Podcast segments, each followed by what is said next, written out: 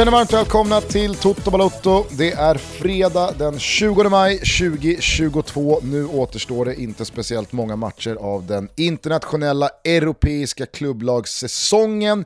Det börjar dra ihop sig mot eh, rejält säsongsslut. Vi är mitt inne i en brinnande allsvensk vår och om lite knappt två veckor så sparkar dessutom Sverige igång nästa vända av Nations League med en ganska så eh, spännande trupp men kanske framförallt med eh, en rejäl omstart i hur man ser på landslagets framtid. Eh, det var i alla fall vad jag bar med mig från Jannes PK här i förrgår. Eller vad säger du? Nej men exakt, det var en av våra fantastiska lyssnare som hörde av sig om en P1-intervju som Jan Andersson hade gjort och där han hade pratat om att man jag tror att det var första gången han pratade om det, men att man skulle gå till att spela med en central forward och eh, en, eh, ja, men någon slags 4-2-3-1-4-3-3 lösning. Eh, så att eh, jag rattade in den eh, intervjun och lyssnade på den och sen så kom det ännu mer då på den här presskonferensen. Och det är ju det egentligen, alltså Eh, någon skulle väl kanske eventuellt kunna liksom skrika till populistiskt, att det är Hamrens eller, eller sådär. Eh, att, eh, att lyssna på då vad de svenska supporterna har eftersökt under det senaste året. Eh, men jag är helt övertygad om, inte minst då efter att ha suttit här med honom, med Wettergren, att de är Eh, Eh, benägna att göra om och, och, och att eh, båda två, även om Janne känns mossig, liksom, eh, men det tror jag mest är hans ålder, hans sätt att vara, men i hans fotbollstaktik, att det ska vara 4-4-2 in i döden. Så har jag snarare känt att vad fan, det, det, det här kommer väl hända. Eh, inte minst då Wettergren, hans Matsone-koppling och eh, hans eh, ja, men, stora jävla dedikation till att hela tiden utveckla sig själv och eh, kollar på så mycket fotboll som han gör. Eh, han kändes väldigt open-minded i alla fall när han var med i vårt, eh, alltså i, i, i Toto Balutto. Ja, men jag blev i alla fall inte förvånad över, över de här orden.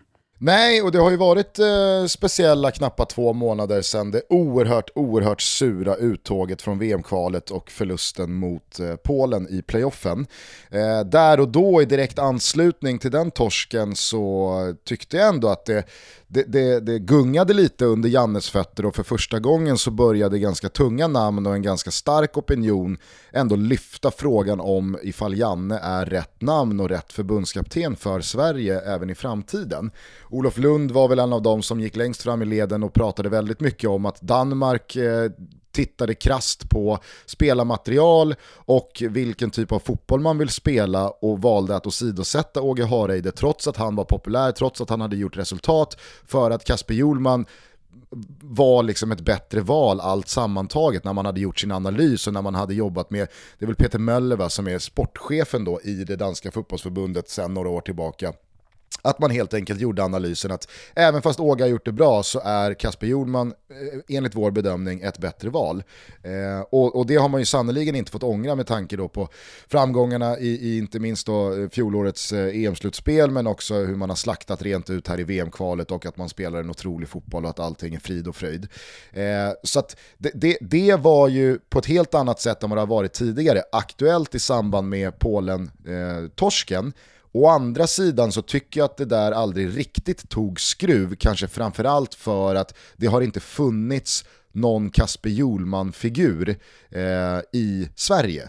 Det har inte funnits något alternativ som har singlats fram och pratats om på konkreta sätt.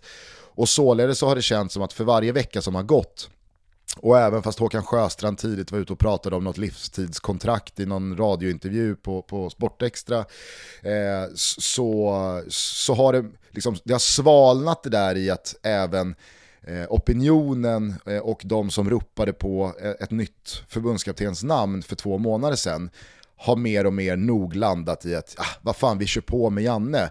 Eh, det är, jag hör ingen som liksom, tycker att vi ska byta förbundskapten längre. Å andra sidan så verkar ju uppenbarligen ha tagit skruv och präglat här framtiden som, som stundar att vi snarare behöver anpassa landslagets sätt att spela fotboll utifrån vilka spelare vi har att tillgå än att vi ska anpassa spelarna vi har att tillgå till sättet som vi liksom prompt ska spela vår fotboll i, i det svenska landslaget. Och det pratade ju Janne om väldigt tydligt här i förrgår, att nu, nu är det mer den devisen som gäller, och även fast han kanske inte sa det rakt ut, att nu skrotar vi 4-4-2 och kastar det över bord och nu ska vi spela 4-3-3. Han var ju lite mer kryptisk, men alltså han, han, eh, han var ju ändå ganska tydlig mellan raderna att det är det som gäller. Och det känns ju ändå som att kan, kan vi, kan vi liksom ta, ta ny sats utifrån de deviserna och utifrån de tankebanorna så känns det i alla fall som en nystart landslagsmässigt. Sen så kanske inte truppen var någon, det var, det var ingen kioskvältare och det är väl samma sak där som i icke icke Kasper Julman-kandidaten så finns det ju inte tio solklara landslagsspelare som står och knackar på dörren som ska in. Det finns väl några som jag tror kommer närma sig mer ordinarie speltid här. Eh, kanske framförallt Jesper Karlsson eh, som går oerhört starkt i Holland. Eh, Gabriel Gudmundsson är mer eller mindre eh, en ordinarie spelare i ett Lille som spelar Champions League och i toppen av, av den franska ligan. Eh, men utöver det så är det ju snarare en del spelare som ska kanske liksom trappas av och, och, och, bytas ut, slussas ut, än att det kommer bli någon revolution i truppen, eh, så som det var efter eh, sommarens EM för ett år sedan. Eh, när en generation skulle helt försvinna. Och sen så är det ju en jävligt otacksam samling det här, inte minst med att det är fyra matcher på elva dygn. Det är Nations League, det är ett knappt år till att EM-kvalet drar igång. Jag fattar verkligen att det är, alltså, det är, det är helt fel tid på det, det europeiska fotbollsåret för att liksom starta igång någonting. Och jag fattar verkligen att vissa meriterade, rutinerade, erfarna landslagsspelare snarare prioriterar att få två veckor med fru och barn och familj och vänner, det ska vara något bröllop här och det ska vara någon svensexa där, att man bara vill liksom koppla av, för det är många av våra mest bärande spelare i landslaget som också har haft väldigt jobbiga säsonger. Det är en sak om man har gjort 35 starter och det har gått jättebra, och man har flugit högt och man har gått långt i någon turnering eller kanske vunnit någon titel. Ja, men då kanske det bara är kul att komma till landslaget igen och eh, köra på 10, 12, 14 dagar.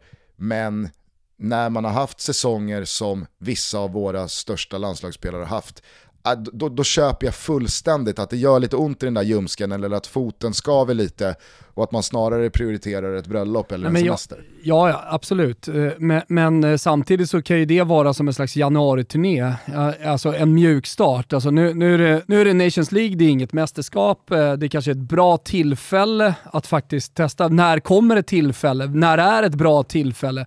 Att eh, testa nya formationer. Eh, är det under en Nations League, uppenbarligen då som Janne tycker med Frankrike och, och Portugal och så vidare, Kroatien, eh, riktigt, riktigt jävla bra motstånd. Ja men där testade vi ju en annan, eh, mer eh, propositiv fotboll liksom, där, där, vi klev högre och försökte spela vårt spel. Jag menar, Nations League får väl ses lite som det, att det, det är viktiga matcher, de betyder någonting, det är eh, eh resultatmatcher. Men eh, samtidigt så är det inte ett VM eller ett EM-kval eller ett mästerskap. Så jag, jag, tycker snarare så här, det är ett perfekt tillfälle att testa Hjalmar Ekdal, att testa nya system. Eh, och eh, jag, jag, tror också, eh, bara en reflektion över när du, när du pratade där, alltså jag, jag, det, det ja, tycker inte jag att vi har snackat så mycket om eh, under det här året. Men den generationsväxling som har gjorts i landslaget, den måste ju också få någon slags konsekvenser. Alltså att vi inte går till det här VM-slutspelet tycker jag är på grund av att vi har varit i den här generationsväxlingen. Men samtidigt så har det varit så viktiga matcher under hösten och under våren fram till matchen mot, mot Polen, att vi inte har kunnat göra för stora förändringar. Jag förstår Janne att han har, han har ändå försökt att hålla kvar det som landslaget har varit bäst på. Och sen så har det blivit uppenbart att det inte riktigt har funkat i den här generationsväxlingen som har gjorts. Och eh, på tal om generationsväxling, kollar man på de spelarna som kommer fram nu från de svenska akademierna så spelar ju ingen 4-4-2. Utan eh, alla, alla de spelarna som kommer upp i 06-landslag och, och eh, 07-landslag som ska tas ut snart och, och framåt, de spelar en helt annan fotboll i sina klubblag. De spelar ju en fotboll som är inspirerad av de danska akademierna, de holländska akademierna och så vidare. och så vidare. Det är det de eh, de akademierna kollar på, det är det de har inspirerats av, det är framtidens fotbollsspelare. Så att idag, det blir lätt att vi pratar om landslagsspelet och hur utvecklingen ser ut och sånt där. Men var sker utvecklingen? Var skapar vi våra fotbollsspelare? Vad är det för fotbollsspelare vi skapar? Jo, men de, de, de skapas av klubbarna, inte av förbundet. Det är ju snarare så då istället, eh, det är en annan diskussion, men att förbundet eh, är inne och fördärvar för de klubbarna som vill svensk fotboll det bästa och försöker skapa moderna, eh, duktiga fotbollsspelare. Så att eh, det, det, det, det är också viktigt menar jag när man landar i hur landslaget spelar. Att vi, att vi har ett spel eh, som passar den generationen som är 15, 16, 17, 18 när de kommer fram. Och eh, alltså, givetvis, vad är bäst här och nu? Hur, hur tar vi oss till en kvartsfinal 2018? Uppenbarligen på det sättet som Janne Andersson bestämde. Men det var ju med spelare som var vana med att spela den typen av eh, fotboll som Jan, Janne Andersson eh, ville bedriva. Men nu och framåt, då måste liksom, de spelarna kunna landa i en fotbollsmiljö som passar dem och där de är uppvuxna i. Och så ser det ut över hela landet eh, i akademierna som driver svensk fotboll framåt. Ja, vi pratade om det här redan tidigt i höstas när Sverige ganska krampaktigt besegrade Grekland på Friends eh, under en höst där vi framförallt på bortaplan var oerhört bleka och vi framförallt blev uppkäkade centralt. Att jag ställde mig frågan på vilket sätt finns det fördelar att spela 4-4-2 när man möter ett 3-5-2 eller ett 4-3-3.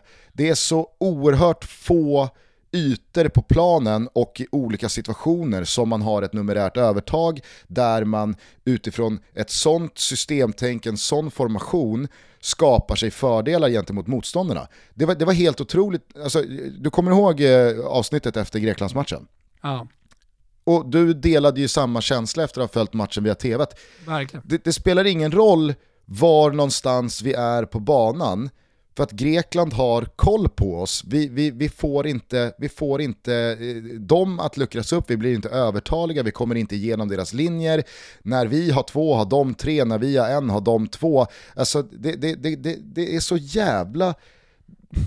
Det blev ju... Det blev ju uppenbart där. Ja, och, och jag tycker egentligen att liksom under coronapandemin när man har kunnat liksom mer fokusera bara på det taktiska, bara på det spelmässiga, bara på ja, men, de typer av detaljer när man har följt fotbollen och inte mm, liksom, speciellt mycket inramning, betydelse, känslor, utan bara, det, det har varit objektiv, krass jävla fotboll som ska spelas. Ja då måste man ju försöka liksom följa någonting och se några strömningar, se några linjer, börja liksom kanske inte börja, men i alla fall tänka mer på de bitarna. För det finns ingenting annat att glädjas åt eller fokusera på. Och då har jag verkligen mer och mer känt för varje liksom, kvartal, halvår som har gått hur oerhört få lag det är som spelar 4-4-2 och kanske framförallt varför det är så. Och det blir så uppenbart. Det, det, det, Nej, men det, det, är ju förlegat, det, det, det är väldigt enkelt. Och, och eh, i alla, alla stora, men också eh, lite mindre eh, fotbollsländer, så, så föder man precis som i Sverige upp fotbollsspelare som jag var inne på, som spelar den här typen av fotboll som du är inne på. Mm. Uh, och, och sen så om det ställs upp i ett uh, 4-3-2-1, 4-3-3, 4-2-3-1, alltså det är, det är varianter uh, av den, låt, låt oss säga då, den moderna fotbollen som, som Sverige eh, tyvärr då, eh, tycker jag, under det här året eh, och för all del även under coronapandemin borde ha kikat på tidigare. Men hej, nu står vi här. och det är därför jag tycker att det är, det är, en väldigt bra samling där och det ska bli jävligt intressant att se. Och jag tror att den, den, är, den är bra för Janne och för, för Wettergren också.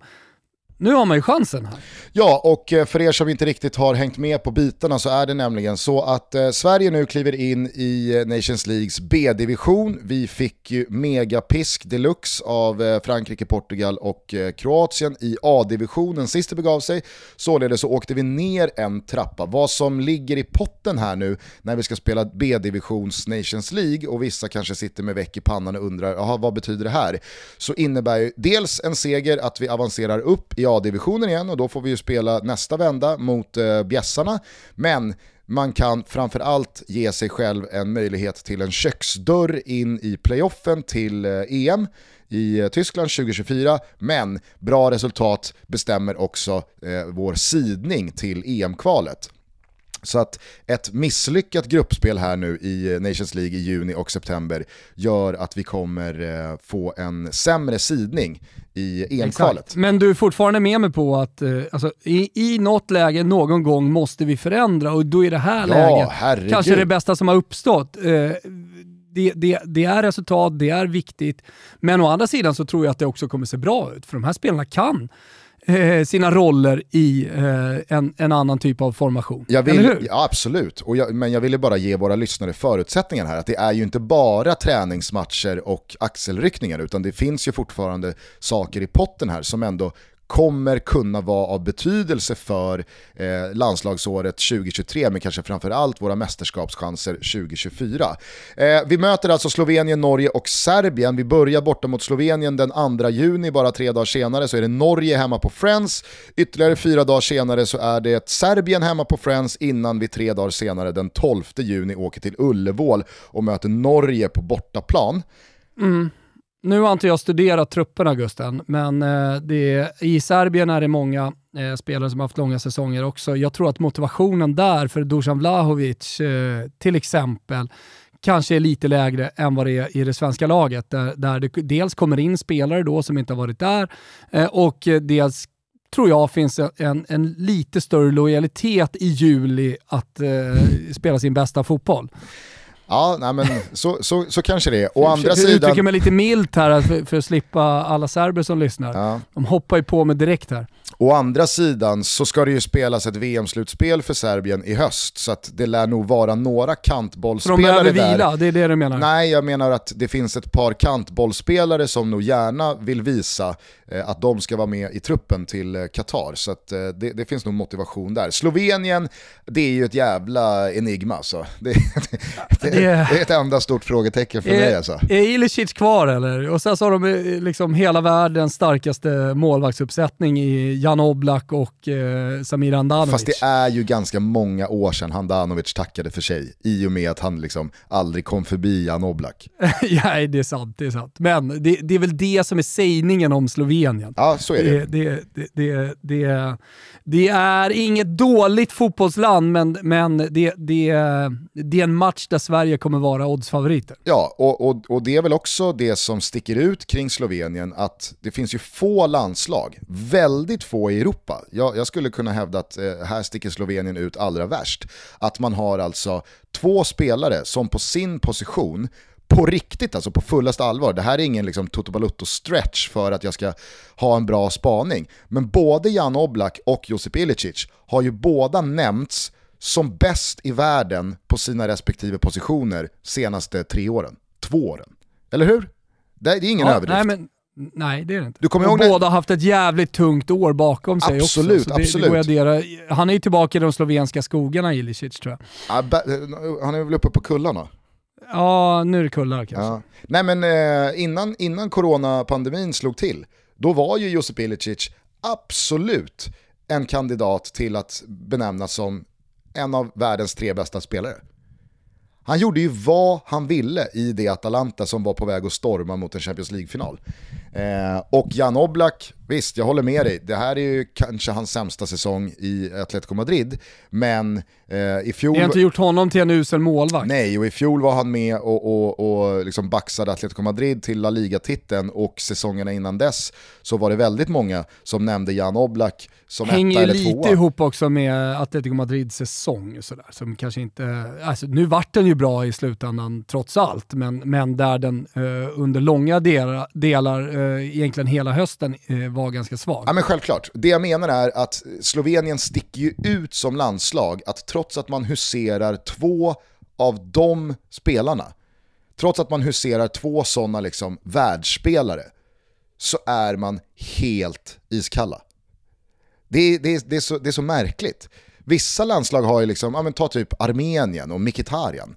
Då, då är det så här, ja, man har Mkhitaryan men man har ingenting annat och då räcker det ju inte. Eh, liksom, så har det väl i förläng... Man har en ensam cirkus liksom. Exakt, men att man har två sådana spelare och ändå är så oerhört eh, svaga när det kommer till slagkraft. Det, det, det, det, är en, det är en trist USP, men likväl en USP.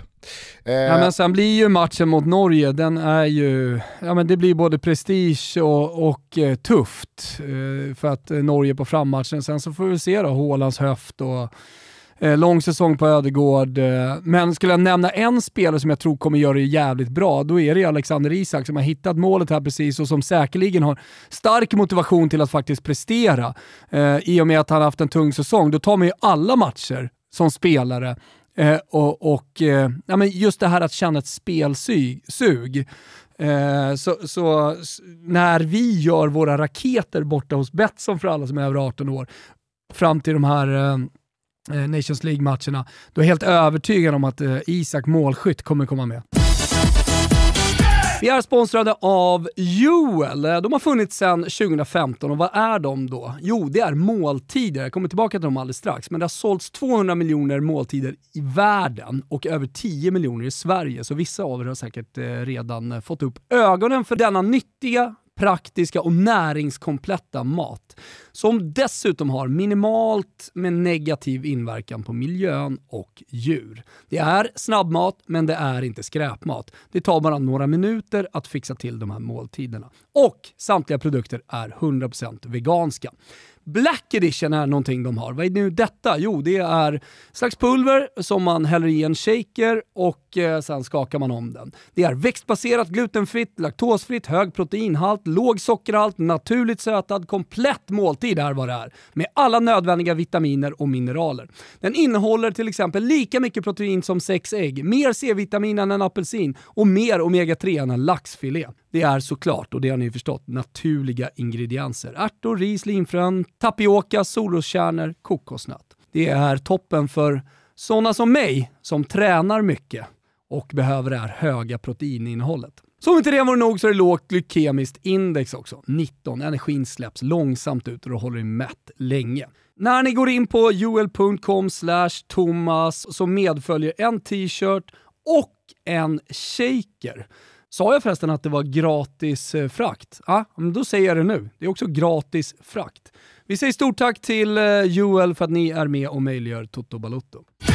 Det stundar mors dag och jag vet hur alla tänker och ska barnen rita teckningar och så vidare. Men ni vill ju toppa detta. Kanske inte köpa trosor till era mammor, men till er partner. Och då är det ju perfekt då att Toto Balotto är sponsrade av Lace Lab och att ni lyssnar på detta. Vad är detta? Jo, det är ett digitalt underklädesbolag som grundades 2018. Det är snygga och väldigt bekväma spetstrosor som kommer direkt hem i brevlådan. Passa på nu inför mors dag. Idén till Lace Laboratory kom egentligen till av den simpla anledningen att eh, tjejerna aldrig var riktigt nöjda med troslådan. Varför ska man behöva rucka på kvalitet, design och pris för att kunna känna sig bekväm och välklädd? Äh, det behöver man inte göra längre, för nu finns ju Lace Laboratory. Målet är att skapa de perfekta trosorna som passar de flesta situationer, tjejer och smaker och som kan köpas till ett rimligt pris med en stark, och det är viktigt, kvinnlig community i ryggen. Skäm nu bort din tjej med Lace Laboratories underkläder.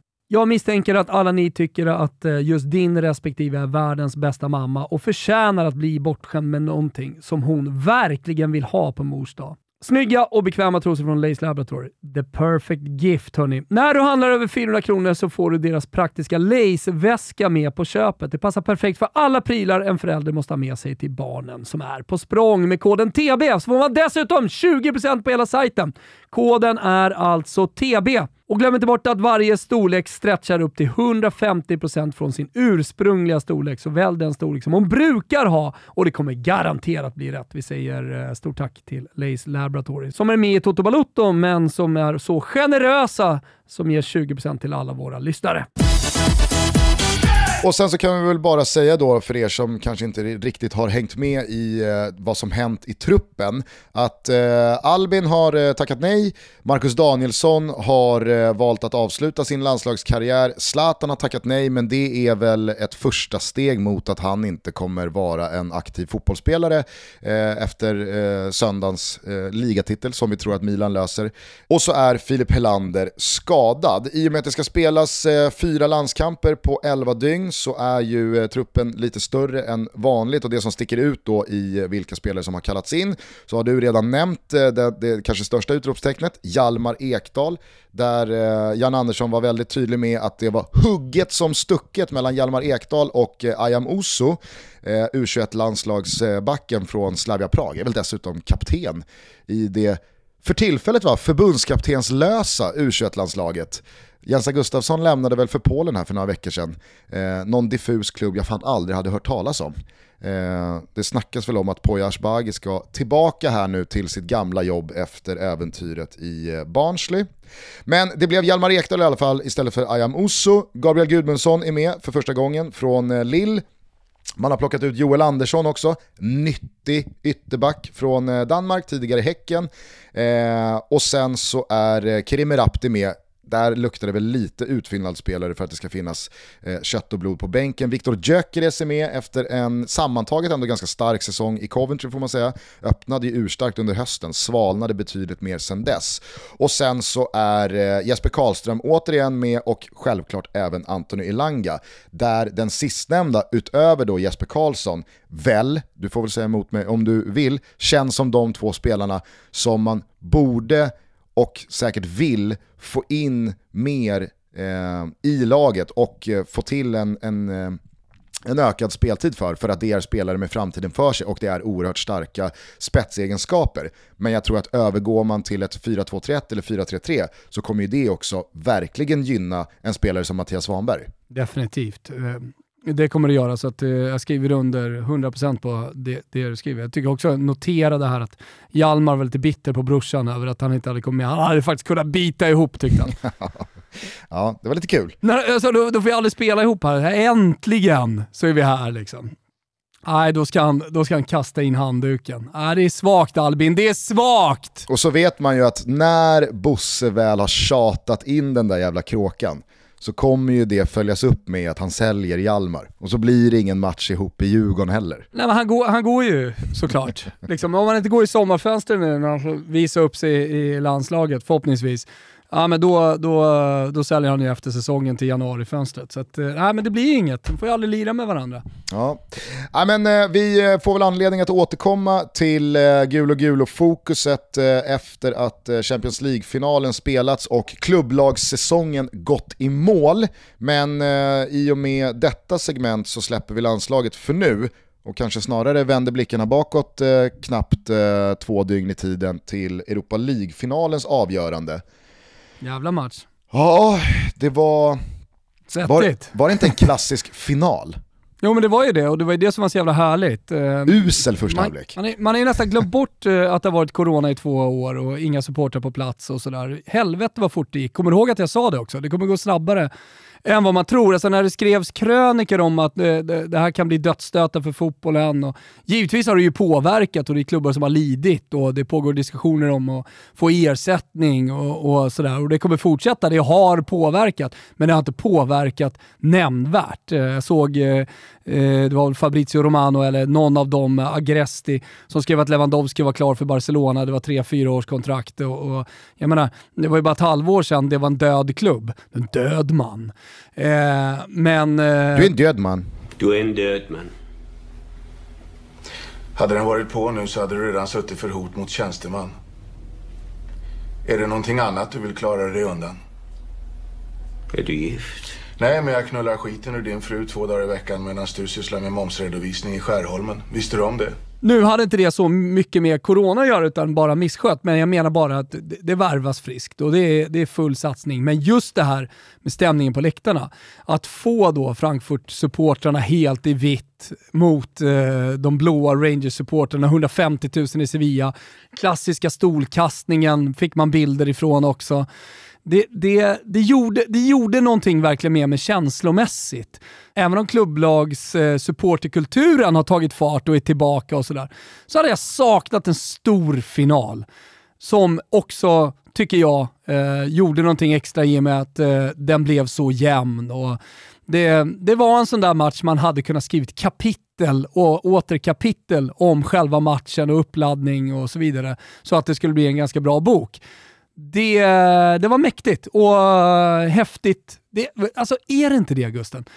det, ibland vill man bara som neutral fotbollssupporter ha den där straffsparksläggningen. Ja, verkligen. Alltså jag jobbar ju bort mål i förlängningen. Jag vill ha det till straffar. Ja, jag vill ha en ja, ja. syndabock. Jag vill att folk ska skriva att Ramsey har mju, liksom mjuklast i pannben. Tycker det var härligt. Man vill alltid ha straffarna och man vill aldrig höra det där jävla snacket om att straffsparksläggningar skulle vara ett lotteri. Jag har aldrig fattat det. Varför skulle det vara ett lotteri?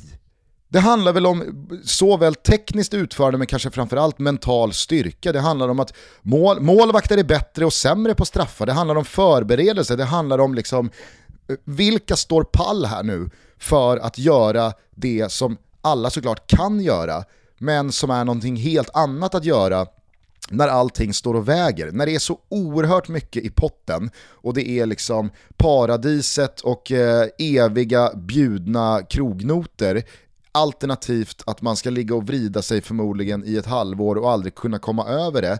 Eh, och för evigt förknippas med att vi var så nära men vi föll på det absolut sista målsnöret. Alltså, lotteri. Ja, men framförallt så är det fotboll, alltså fotboll avgörs med straffar. Och eh, hockeyn har ju gjort liksom, försök till att avgöra det på planen, så man tar bort två spelare, spelar tre mot tre till exempel.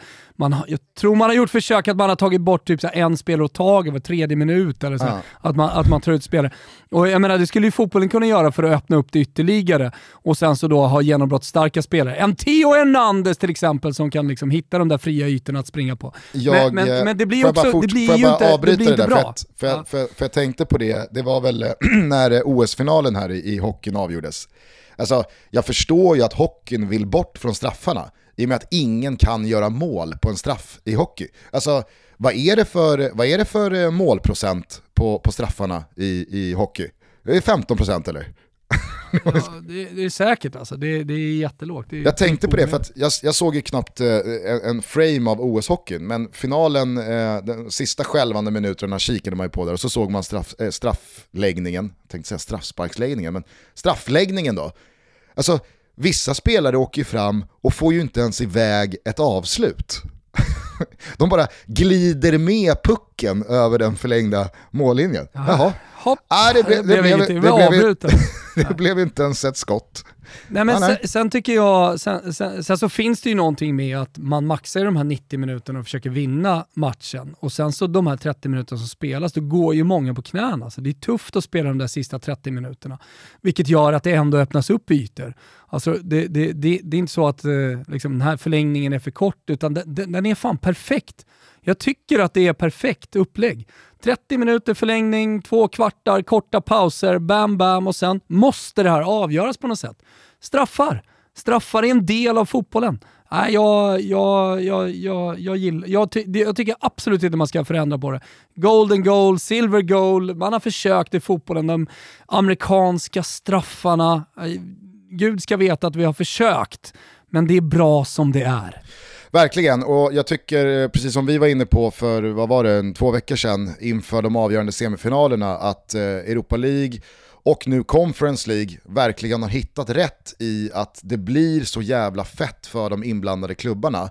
För att de här klubbarna har de har ju såklart ambitioner att vinna sina respektive ligor eller ta sig in i Champions Leagues eh, gruppspel under hösten för att pengarna är så e-, e-, enorma kontra de, de andra ligorna.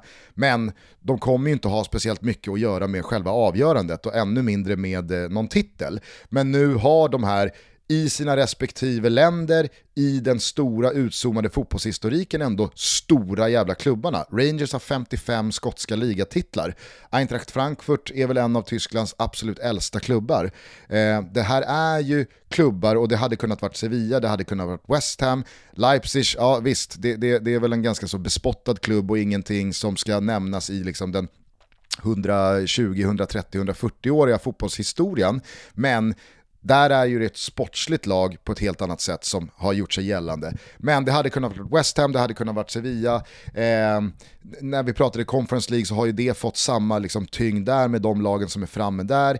Att det blir på liv och död. Det här blir eh, det, det största som har hänt i de respektive klubbarna. Och jag tycker att Niva sa det jävligt bra i studion, att jag är glad över att det är Eintracht Frankfurt och Rangers som möter varandra där båda klubbarna på riktigt nog känner att vinner vi den här pokalen så är det det största som har hänt i våran 130-140-åriga historia. Hade det varit Barcelona som hade varit på plats här, några timmars bussresa fr från sin hemstad, och, och de hade vunnit den här titeln så hade ju den här bucklan landat på någon andrahandssorteringshylla. Ja, ja, så vann vi Europa League där 2022 också, men det, det, det blir ju som någon slags markering och en påminnelse om att vi gjorde en dålig Champions League-säsong. Att vi var eh, en, en, en väldigt svag version av eh, oss själva under hösten och kanske säsongen innan.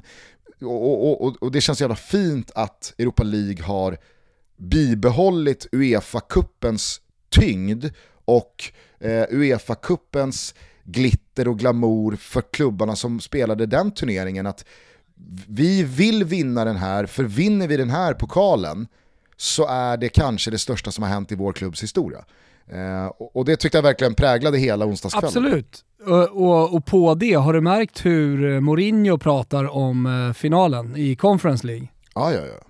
Ja, och det, det, jag såg någon som skrev på Twitter att han är inte lite slug här, Mourinho. Alltså, han skriver ju sin egen bok eh, och eh, det, det, det han säger är ju, ni som har missat det, att den här finalen är den viktigaste finalen som han har spelat för att det är ingen som någonsin har vunnit Conference League. Så att det här blir någonting helt nytt och om jag är först då är jag också störst och så vidare. och så vidare. Den retoriken som han använder.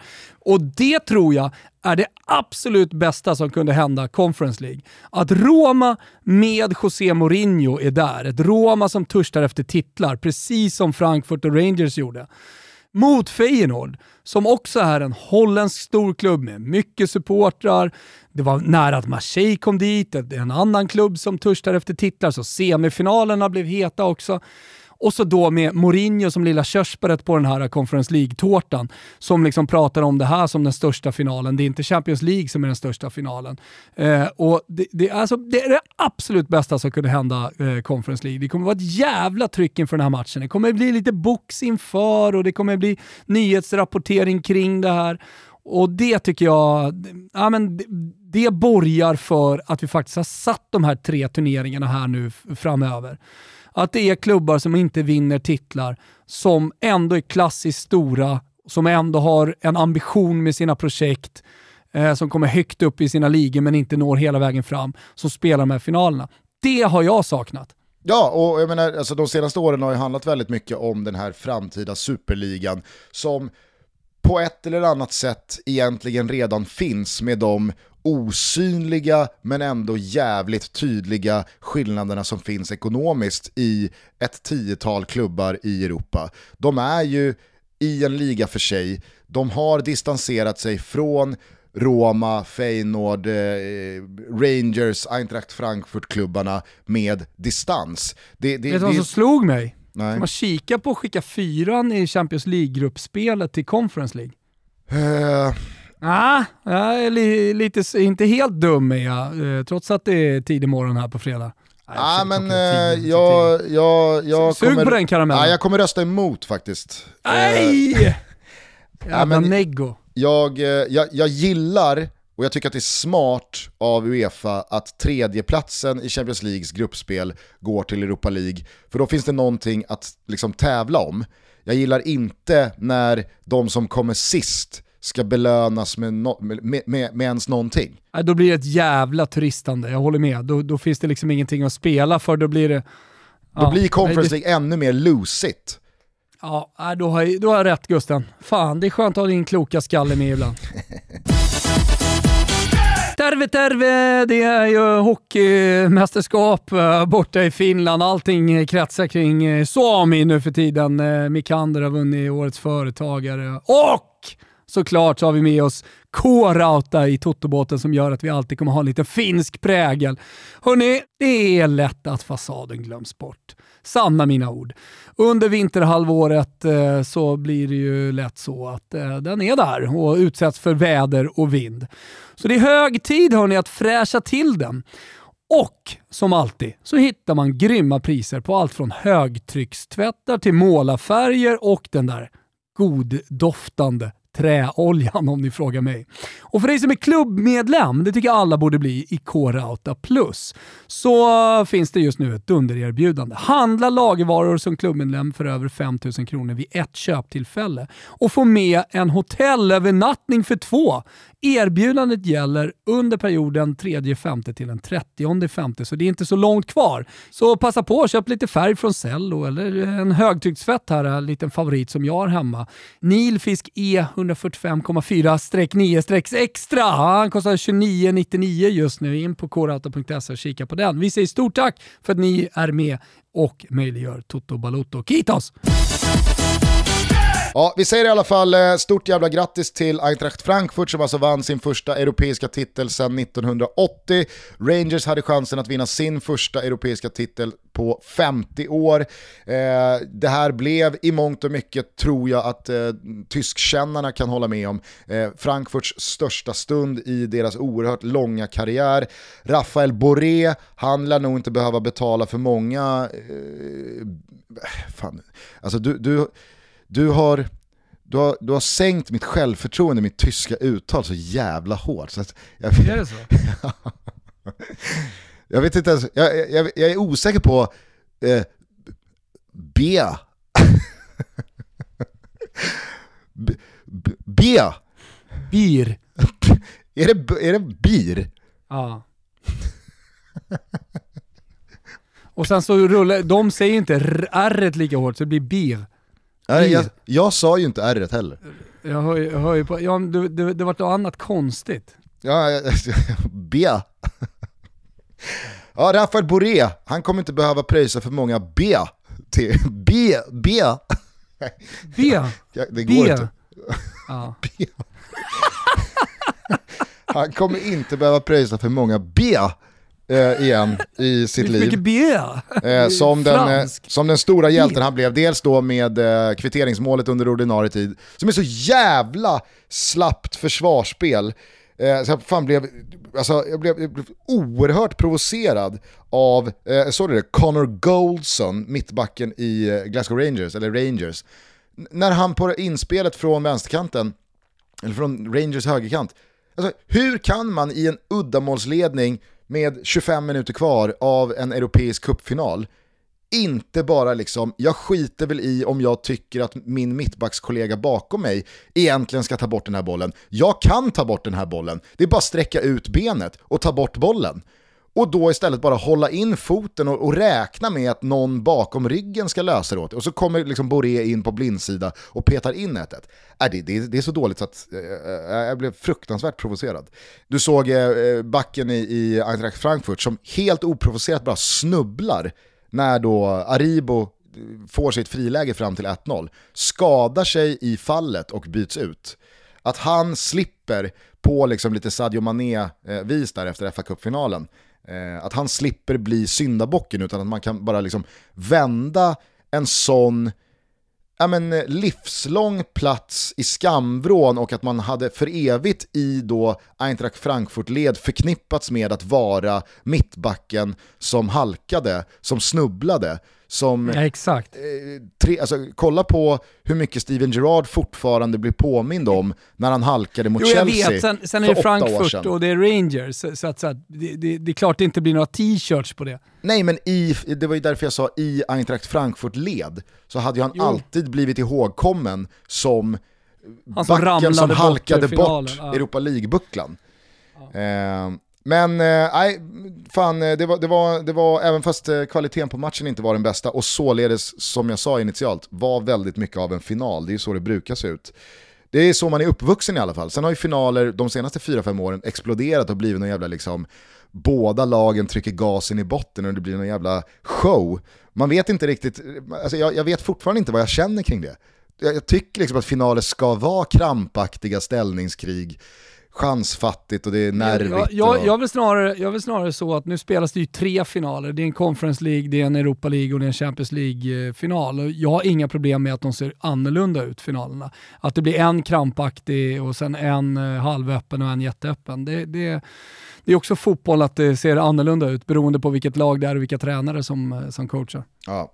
Eh, stort jävla grattis till Eintracht Frankfurt hur som helst och eh, stort jävla tack eh, till Europa League för en, en fin säsong som jag måste säga, det, det har varit en av de trevligare Europa League-vårarna att eh, följa. Men allt hamnar ju ändå i skuggan till det stora som hände denna vecka. Allt! Europa League-final. Everton säkrade Premier League-kontrakt efter vändning 0-2 till 3-2 igår mot Pallas och dubbla pitchningar. Ja, och det var 150 000 i Sevilla och som sagt, det kastade stolar och så vidare. Eh, det delades ut en titel första på 40 år. Det hamnar i skuggan av Die Rothausen! Die Rodenhausen! Fuck Bremen. Ah, oj, men oj, vilken oj, seger. Alltså. Vilken seger! 1-0 eh, nere i huvudstaden eh, på Olympiastadion borta mot Hertha. Eh, det ger ju HSV ett sånt jävla slagläge här inför returen på måndag på Folksparkstadion. Nor, di, fau! Nej, alltså det är, det är så jävla mäktigt att de ska tillbaka här nu. Ja, herregud. Jag, jag, jag, måste säga det, det var, det var, ju, det var ju välförtjänt också. Helvete ja, ja, vad de maxade ur i den här matchen. Verkligen. Eh, och det, det, är väl, det är väl kanske att gapa efter mycket och vara lite besviken över att det inte, det inte blev 2-3-0. Men eh, nej, det här är ett eh, ruskigt jävla utgångsläge inför måndagen. Eh, nu ser man väl absolut eh, de Rotenhausen, Hauersvau eh, skita ner sig och sumpa det här ändå. Men eh, är, är det någonting som också är jävligt tydligt så är det ju att Hertha Berlins dagsform, de är ju så under isen så att det är... De, de har ju liksom förlorat bort sig själva. De tror ju inte på det. Det, det, och det, det, det är ju det liksom farliga att komma in som eh, första ligalag i ett eh, playoff att du, det laget kommer ju alltid in i do, med dåligt självförtroende. De är ju där i botten av en anledning. Eh, slagits om att vara kvar, eh, förlorat väldigt mycket matcher, kommer med nyckelspelare eh, med största sannolikhet som inte har gjort mål och som inte spelar sin bästa fotboll i karriären. Samtidigt då som laget från andra divisionen kommer ju upp med eh, en jävla studs i steget efter då ha vunnit väldigt mycket matcher, eh, även om nivån då kanske blir hög Eh, eller högre eh, mot eh, Hertha Berlin. De har ändå en trupp som är rustad för att spela Bundesliga-fotboll. Och när det laget dessutom är en etablerad Bundesliga-klubb, när det är en, liksom, en, en, en, en stor klubb som genom historien har spelat högsta liga fotboll och vet att det är här vi hör hemma. Det är inte ett andra ligalag som har gjort en eh, succésäsong mot alla odds och som lilleputt och outsider och underdog och blåbär och liksom det ena med det tredje har, har knipt en kvalplats och lite i det är nöjda. Går vi upp så är det en bonus men vi har gjort en sån jävla fantastisk säsong ändå. Då blir det ju lite pluspsyke på eh, det etablerade högsta ligalaget som kvalar neråt. För då vet de att vi är etablerade i högsta ligan, vi har varit här, vi ska fortsätta vara här. Men i det här läget när det är Hamburg, eller när det kanske tidigare har varit Stuttgart, man kan vända hem till Sverige. Det är ju tuffare, tror jag, mentalt att som allsvenskt lag kvala neråt, att göra det mot Helsingborg eller mot Halmstad eller alltså klubbar som ha, har spelat i allsvenskan hur många säsonger som helst och som har gjort det förr och som, som drivs av att vi ska tillbaka. Det är tuffare än när man kvalar mot, ja, nu får väl alla eh, eh supporter ursäkta, eh, typ ett J Södra. Som inte har speciellt många allsvenska säsonger innanför västen, vad har de? Två. Eh, det, det, det, tror jag, att, eh, det, jag tror att det är mer tacksamt att kvala mot ett sånt lag.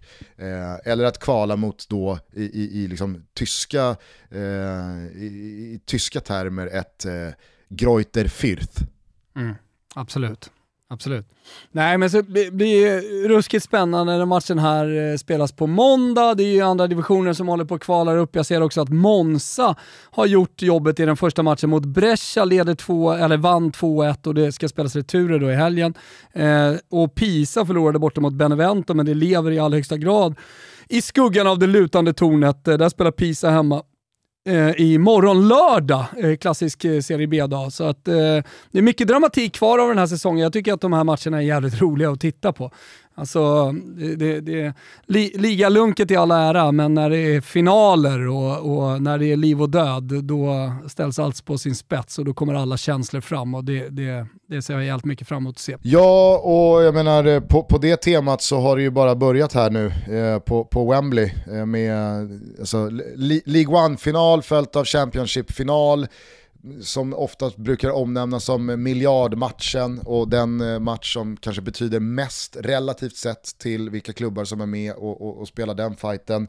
Kontrakt ska delas ut, öden ska beseglas, Eh, det är tysk cupfinal imorgon, Ligue 1 spelar sista omgången, eh, men herregud, alla vet ju också vad som sker på söndag då både Premier League, men kanske framförallt då Serie A går i mål. För jag utgår från att Steven Gerrard han kommer inte lyckas lösa eh, biffen åt Liverpool borta mot City, utan City ska ju bara vinna det där. Mm. Eh, jag, jag, ser det som högst otroligt eh, att någonting annat sker än att City går ut och slaktar Villa. Eh, således så tycker jag ändå, med tanke på att eh, Spurs har Norwich i sista, Eh, och att Everton löste kontraktet igår, att det tog lite udden av den sista omgången i Premier League. Den känns inte lika kittlande längre. Eh, således så kommer ju världens blickar riktas mot Italien söndag 18.00. Eh, Fotbollssöndag Europa smäller upp eh, studion 17.00, en timme innan. Och jag pratar givetvis då om Serie A-avgörandet. Inter, Sampdoria men framförallt Sassuolo Milan. Där Milan behöver en poäng för att vinna sin 19 Serie A-titel, för att Zlatan Ibrahimovic ska ta, i mitt tycke, sin oerhört långa karriärs absolut största, tyngsta och mest meriterande titel. Jag kan mm, inte, jag, jag, jag, jag, jag har vridit och vänt på Vet du vad den här gör? Finns den gör honom... Nej, men den gör honom i alla fall eh, på ett sätt unik. Alltså, I och med att han äh, har spelat på äh, den högsta nivån till den åldern han besitter Eh, och eh, sättet som vi pratade om tidigare i Toto Balotto, han kom tillbaka till Milan, ett Milan i total kris och sen så har han fört dem hela vägen till eh, den här scudetton och, och jag tycker verkligen att han har en stor del i, alltså inte bara den här säsongen, och då kan man kolla på att han inte har spelat så mycket, han har varit skadad, men hans ledarskap. Men jag tycker att den här, den här titeln blir ju liksom kronan på hans comeback i Milan, alltså när allting skulle vara över. Eh, efter, efter, efter USA, efter knäskada och alltihopa, att ändå göra det här och ändå vara den viktigaste spelaren i det nya Milan, i hela den här renässansen. Det, det blir ju, uh, förstår jag menar, unikt på det sättet att jag inte har sett någon annan spelare liksom ha den sportsliga tyngden eh, i att föra tillbaka en gammal storklubb hela vägen till en ligatitel. Eh, vi pratar om Manchester United eh, nu, men alltså går man tillbaka i, i fotbollshistorien så eh, finns det ju många eror som eh, har dött och sen så storklubbar som inte har kommit tillbaka. Eh, men, men, att han blir liksom symbolen för Milans renässans, mm. det gör honom ytterligare eh, och ännu mer unik. Och jag hoppas verkligen att det finns ett läge i den här matchen där Zlatan kan spela. Och eh, att han, eh, alltså drömscenariet är liksom 1-1, Zlatan kommer in och avgör i 89 och skjuter, skjuter titeln. Då vet jag inte vad jag gör, alltså, då går jag upp i molekyler tror jag. Men det är väl inte för stora paralleller att dra till Maradona och Napoli? Eh, hur tänker du då? Ja, men att som en världsspelare gå till ett lag som inte är sportsligt slagkraftigt att utmana om ligatiteln. Men, men, att välja att det är dit jag ska och jag ska ta dem till toppen. Och även fast Maradona satte sin prägel på eh, Napolis första där Scudetto 87 på ett helt annat sätt under säsongen än vad Zlatan har gjort den här säsongen så tycker jag precis som att du är inne på att man måste ju zooma ut och ta med hela Zlatans sejour här sen han återvände till Milanello, San Siro och Milan Eh, ja men i storhet, alltså förstår ja, du? Så storhet och, och, och, och när, man, sett... när man pratar om Zlatan i framtiden i Milan-sammanhang, alltså så gör ju det här honom helt odödlig. Eh, även om han var en stor legend innan och, en spelare som Milan-supportrarna i all framtid kommer eh, kommer älska i och med att han har pratat också när han har spelat i andra klubbar så gott om just Milan. Men att han gör det här, i, alltså så, här, så stor han kommer bli till, tilldelas en arena som eh, Diego Armando Maradona har gjort. Det, det, det är väl liksom, kanske inte lika stort men ändå nära. Det Maradona var var att han var världens bästa fotbollsspelare under de åren i ett Napoli som aldrig hade varit på den toppen. Liksom. Nej absolut, Alltså, och det- inga det jämförelser i det övrigt. men jag förstår vad du menar. När du, det, Kulten, säga. när du la upp det som att jag kan inte minnas att någon spelare har ensam, så mycket ensam baxat liksom ett lag upp Ja, men det är också åldern i detta som, som en parameter i det unika Ja, såklart. Då försökte jag snabbt på volley i mitt huvud tänka, vilken Mm. spelare har ah, liksom, kommit till eller kommit tillbaka till en ändå etablerad klubb. Nu hade ju Milan en helt annan historia än vad Napoli hade där och då i mitten på 80-talet. Men Det går Men- aldrig att jämföra rakt Nej, av. nej, absolut inte. Men det var ändå Maradona och Napoli som dök upp i huvudet. Det var inget annat. Och jag tycker inte att det är, det är inte, det, det är inte en alltför stor stretch att gå dit. Nej, det är det inte. Och framförallt när man pratar om kulten och spelaren och så som han kommer bli ihågkommen om nu detta sker. Eh, och sen så kan, finns det ju grejer som kan hända på söndag som kommer, kan göra det i alla fall kortsiktigt ännu större. Men att Zlatan kommer bli ihågkommen som en av de absolut största spelarna Eh, jag, jag vill inte säga bästa för, för diskussionen blir så stor då, den är onödig. Eh, men en av de största spelarna i Milans eh, historia, 100%. Eh, Och eh, ja, så, så som han kommer röra sig på Milans gator i, i framtiden, eh, Milanos gator, det, det är ju ingen Eh, som kommer ha den, den legendstatusen. För återigen, precis som eh, Thomas är inne på här, så eh, har ju alla ni som har följt Milan den här säsongen och kanske framförallt den här våren sett väldigt lite av Zlatan på planen och de inhopp han har gjort här senaste två månaderna, att de har varit få, de har varit ganska korta och de har i ärlighetens namn varit ganska smärtsamma att följa för det är inte längre den Zlatan Ibrahimovic jag har följt i över 20 år som springer runt på Och den där så planen. påminner man samtidigt om att han är Milans näst bästa målskytt. Alltså ett, eh, Han är väl ändå tredje bäst.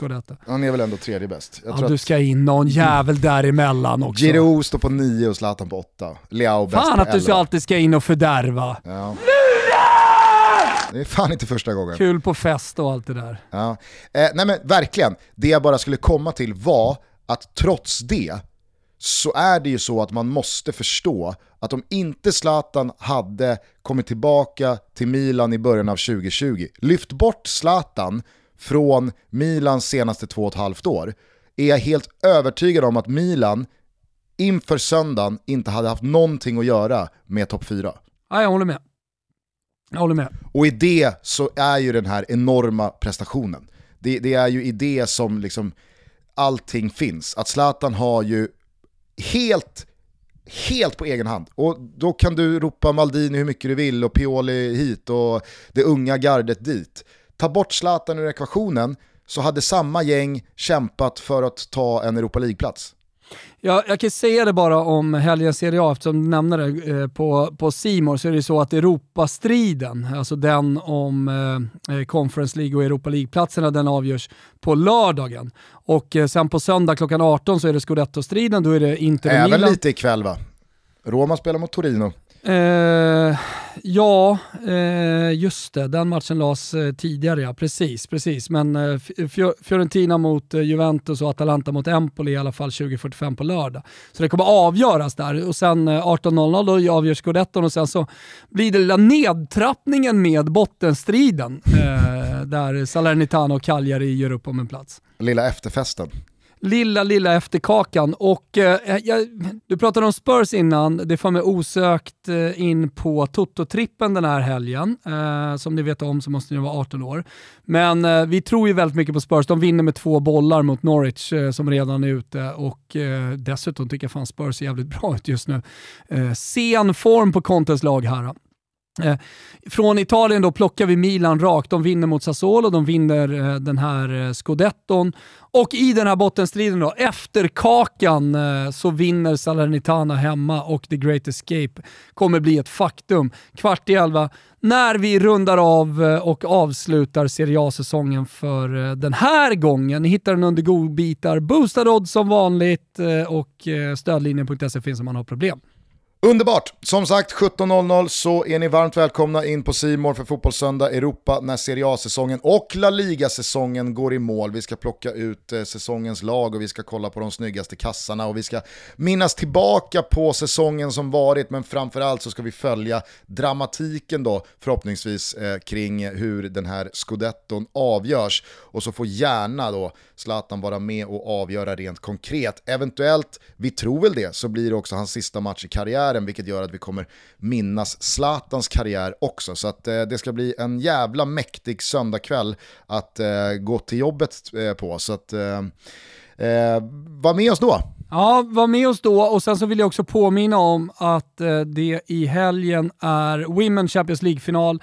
Det är mellan Barcelona och eh, Lyon. Ni vet ju om att Pepsi Max som är med oss hela tiden Ja, jag vet om hur mycket ni tycker om att dricka Pepsi Max. Det är knappt som man behöver säga det. Tog en Pepsi Max Mango här, mycket gott i munnen. Eh, men eh, där har vi också svenska intresse i Rolfö.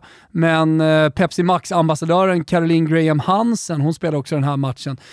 Så ni som är intresserade av både Pepsi och fotboll, missa inte Women Champions League-finalen. Det blir någonting alldeles extra för Barcelona som alltså vunnit alla matcher i La Liga. De gör the perfect season eh, mot då Lyon som historiskt har varit det, det bästa damlaget. Det blir mäktigt! Jag hörde att eh, Barca åker med 15 000 supportrar.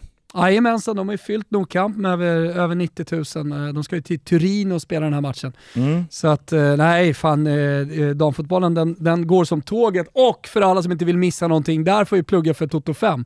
Som har kommit igång. Jag och Petronella i förra avsnittet höll inte med varandra om någonting. Nej. Vilket var jävligt upplyftande. inte minst för mig, ja, jag såg som att, vara motvalls. Jag såg att några lyssnare hade uppmärksammat det här och uppskattat det. Det har varit ja, alldeles för mycket medhårs och hålla varandra i handen här i 28 avsnitt. Men nu börjar din frustration pysa ut för mycket.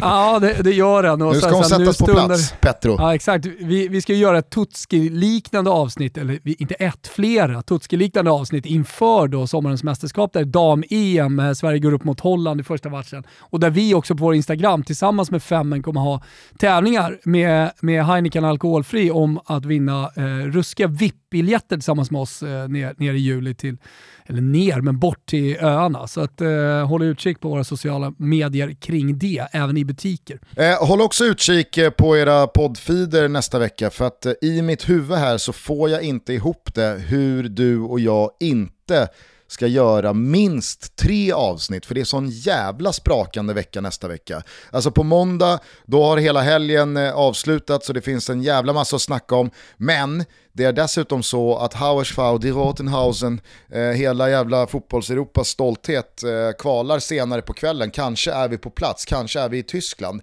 Ja men då ska ju det tas ner på tisdagen. Sen är det helt plötsligt Conference League på onsdagskvällen, men Ponne kommer till studion på torsdagen inför kuppfinalen i Sverige. Så att det finns ju en fredag att ta ner den på inför helgen som stundar med Champions League-finalen på lördagen. Så att Alltså det, det, det, kan bli, det kan bli fyra avsnitt nästa vecka. Ja, jag har ju ett Ponne här på WhatsApp. Han är ruskigt taggad, inte bara såklart att se den här matchen, cupfinalen, men också på att komma in i studion. Han skriver om bärs och kaffe och allt möjligt här. Så att en taggad Ponne är att vänta. Jo, men alltså förstå Ponne efter att ha slutat på övre halvan med Brentford. Ah, Leeds lugn. ryker, en och en halv månads ledighet stundar och det är cupfinal mm. för eh, MFF i Stockholm. Huset nere på gräddhyllan i Skåne är ju klart också till sommaren. De har hållit på och byggt det. Så det, du vet, det, det, det, det, är, det är nice att vara Ponne och eh, blicka mot kuppfinal och ett eh, Toto-framträdande. Ett eh, efterlängtat sådant. Kan bli ett par Tex-Mex-rullar i Burlöv Center. Det kan det sannerligen bli alltså. ja, men eh, som ni hör, det är bråda dagar här. Det är bara att hänga med, fortsätta göra det. Eh, ha en jävla trevlig helg, ta hand om varandra, så hörs vi snart igen. Vi hörs snart igen. Ciao tutti. Ciao tutti. All pirates, yes they rob I, sold I to the merchant ships.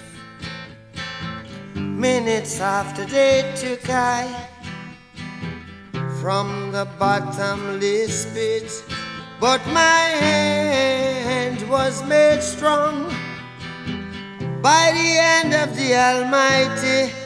We forward in this generation triumphantly. Won't you help to sing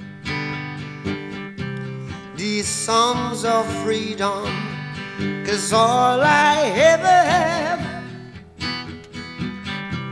redemption songs, redemption songs. Emancipate yourselves from mental slavery. None but ourselves can free our minds.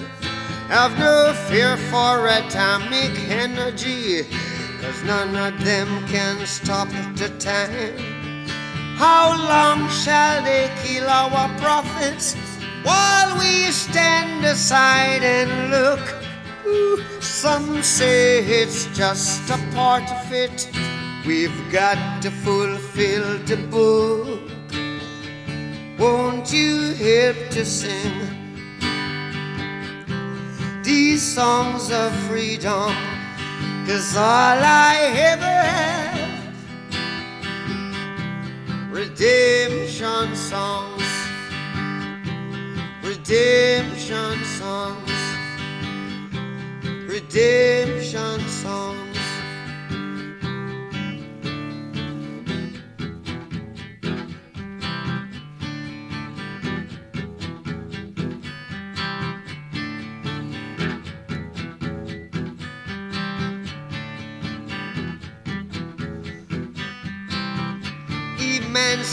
Emancipate yourselves from mental slavery. None but ourselves can free our mind. Oh, have no fear for atomic energy, cause none of them can stop at the time. How long shall they kill our prophets while we stand aside and look? Yes, some say it's just a part of it. We've got to fulfill the book. Won't you help to sing these songs of freedom? Cause all I ever had redemption songs. All I ever had redemption songs. These songs of freedom, songs of freedom.